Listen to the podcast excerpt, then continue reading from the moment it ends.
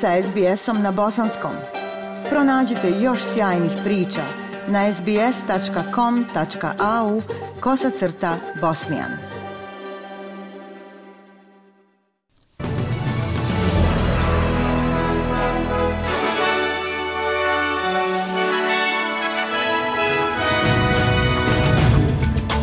U današnjim vijestima poslušajte. Proslave nove godine privukle velike gužve širom svijeta.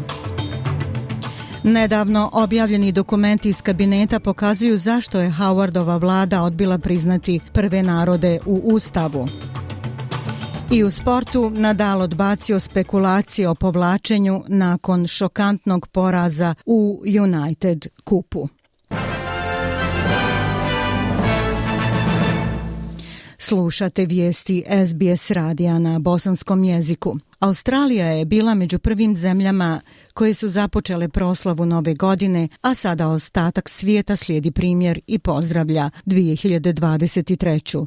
sa planiranim vatrometom u Parizu, nadom u prekid rata u Ukrajini i povratkom u post-covid normalnost u Australiji i Kini, svijet se oprostio od 2022. Najviši observatorij u Evropi, London Eye, bio je obasjan vatrometom kojem je prisustvovalo na hiljade ljudi. Bila je to godina koju su obilježili sukobi u Ukrajini, ekonomski potresi i posljedice globalnog zagrijavanja. Ali to je bila i godina koja je doživjela dramatično svjetsko prvenstvo u futbalu, brze tehnološke promjene i napore da se odgovori na klimatske izazove. Ukrajinski predsjednik Zelenski bio je među svjetskim liderima koji su uputili novogodišnje čestitke, a francuski predsjednik Emmanuel Macron govorio je o jedinstvu i povjerenju tokom svog novogodišnjeg govora šestog po redu.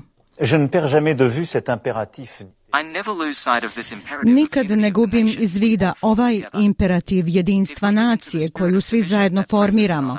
Ako se prepustimo duhu podjela koji nas pritiska sa svih strana, ne bismo imali skoro nikakve šanse da to prevaziđemo u takvom surovom svijetu u ovako teškim vremenima.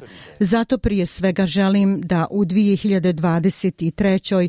živimo što je moguće više ujedinjeni i solidarni. Novogodišnje zabave potrajali su do duboko u noć širom Australije, koja je među zemljama koje su prve ušle u novu 23. godinu. Bila je to prva proslava dočeka nove godine bez ograničenja COVID-19, uključujući turiste iz zemlje ili inostranstva. Procjenjuje se da je više od milion ljudi hrlilo oko centra Sidneja kako bi gledali vatromet koji oduzima dah. Reputacija grada kao domaćina jedne od najboljih novogodišnjih proslava na svijetu opravdala je popularnost jer je više od 8 tona pirotehničkih sredstava lansirano sa znamenitosti Sidneja. Ljudi su mogli vidjeti kako vatromet obasjava operu, a dugine iskre padale su s Harbour Bridgea dok se grad priprema za ulogu domaćina svjetske parade ponosa u februaru. Pomoćnik komesara policije Novog Južnog Velsa Anthony Cook rekao je da se većina ljudi dobro ponašala uz nekoliko izuzetaka jer su policajci uhapsili 83 osobe i podigli 25 optužbi za napad, posjedovanje narkotika i uvredljivo ponašanje. Prvi australski novčić u 2023. koji će biti tiskan predstavljaće čudna i divna morska stvorenja. Kraljevska australska kovnica i nacionalna naučna agencija SIRO udružili su snage kako bi prikazali morski život južne i istočne obale Australije. Kolekcija će proslaviti rijetko viđena stvorenja iz dubine okeana. To je prvi put nakon dvije godine da je kovnica novca domaćin popularnog godišnjeg događaja za koji se očekuje da će privući stotine kolekcionara novčića iz cijele Australije, a sretni kolekcionar ponijeće kući nagrađeni prvi novčić u novoj godini. Nedavno objavljeni dokumenti vlade iz 2002. godine pokazuju zašto je Howardova vlada odbila referendum koji bi promijenio preambulu Ustava za priznavanje prvih naroda. U maju 2000. stotine hiljada ljudi šetalo je mostom u Sidneju u znak podrške pomirenju. Vijeće za pomirenje aboriđina, sada poznato kao Reconciliation Australia, predstavilo je bivšoj Howardovoj vladi plan pomirenja sa šest ključnih preporuka, ali dvije godine kasnije Howardova vlada odbacila je preporuke. Zvanični stav vlade bio je da bi nacionalno izvinjenje bilo neprikladno, jer bi moglo implicirati, navodimo, da su sadašnje generacije na neki način odgovorne za postupke ranih generacija pripadnica autohtonog naroda i članica akademije Maša Langton od tada je pozivala koaliciju da uzme u obzir nacionalno raspoloženje. So after three fails, Tako nakon tri neuspješna pokušaja da se utvrdi javno raspoloženje, plebiscit, izbor u Viktoriji i savezni izbori, moglo bi se pomisliti da bi se mogli vratiti na nacrt i sporazumjeti se o onome što misle moderni Australci. Vozač i tri putnika u bjekstvu su nakon što su navodno izazvali nesreću u kojoj je osam osoba ostalo u bolnici na Gold Coastu. Policija je saopštila da je crni Mercedes sedan vozio južno autoputem Gold Coasta kada se sudario sa Mitsubishijem. Mitsubishi je udario u stražnji dio drugog automobila koji je opet udario još dva vozila. Vozač i troje putnika su potom izašli iz Mercedesa i pobjegli. Hitna pomoć stigla je na mjesto događaja i pregledala 17 osoba prije nego što ih je osmero prebačeno u bolnicu. Služba hitne pomoći Queenslanda saopštila je da su tri osobe imale ozbiljne povrede. Vijesti iz svijeta. Bivši papa Benedikt XVI. preminuo je u 95. godini. Njegova šokantna ostavka 2013. zbog lošeg zdravlja učinila ga je prvim pontifikom u 600 godina koji je dobrovoljno podnio ostavku.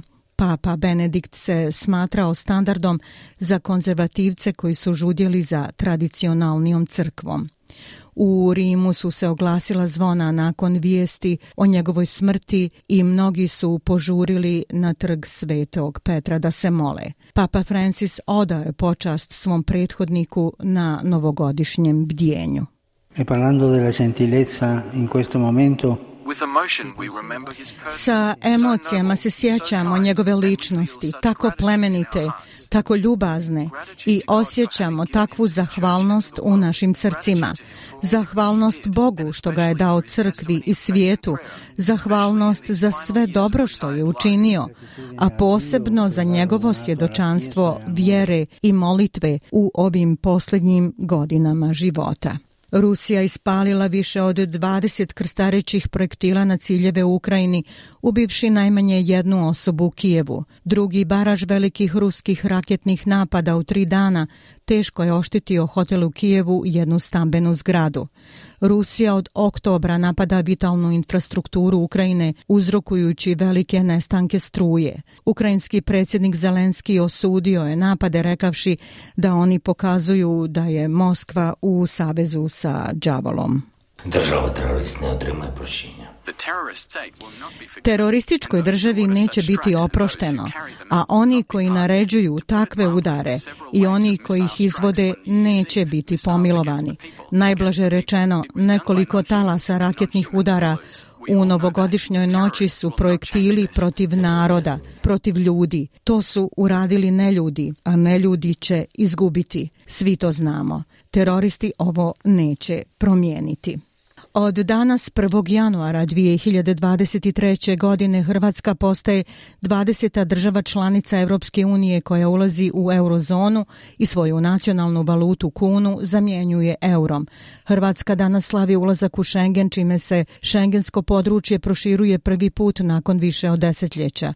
Ulaskom u Schengen ukida se granična kontrola između Hrvatske i ostalih članica Evropske unije, uključujući Sloveniju i Mađarsku, s ciljem omogućavanja slobodnog kretanja ljudi i roba. Na banjskim granicama Hrvatske sa Srbijom i Bosnom i Hercegovinom granična kontrola ostaje ista.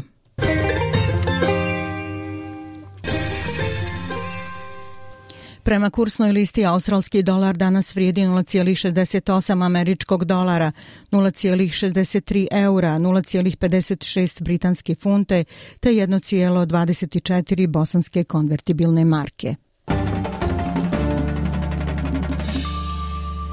I vijesti sporta, Nadal zatvara pitanje o tome da li treba da se povuče nakon šokantnog poraza u tri seta od Camerona Norija na United Cupu. Nakon što je izgubio prvi set, Nori se vratio kako bi ostvario pobjedu nad drugim igračem svijeta u Sidneju. Nakon poraza Nadal je na konferenciji za novinare nakon meča upitano mogućnosti povlačenja, ali on je to ubrzo negirao, rekavši da je izgubio meč i to je to i dodao da će sigurno obavijestiti medije kada će se namjeravati povući.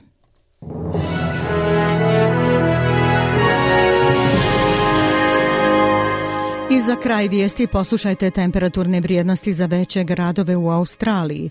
U Pertu uglavnom sunčano 29, Adelaidu sunčano 36, u Hobartu oblačno 29, Kamberi također oblačno 27, u Sidneju 27, u Melbourneu uglavnom sunčano 35, u Brisbaneu 29 i u Darwinu mogući pljuskovi 31 stepen.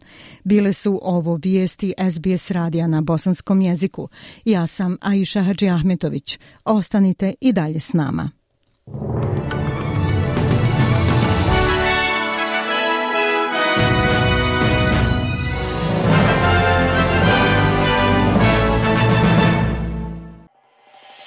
SBS na bosanskom. Podijelite naše priče preko Facebooka. Želite poslušati još ovakvih priča? Slušajte preko Apple podcasta, Google podcasta, Spotify ili kako god da primate svoje podcastove.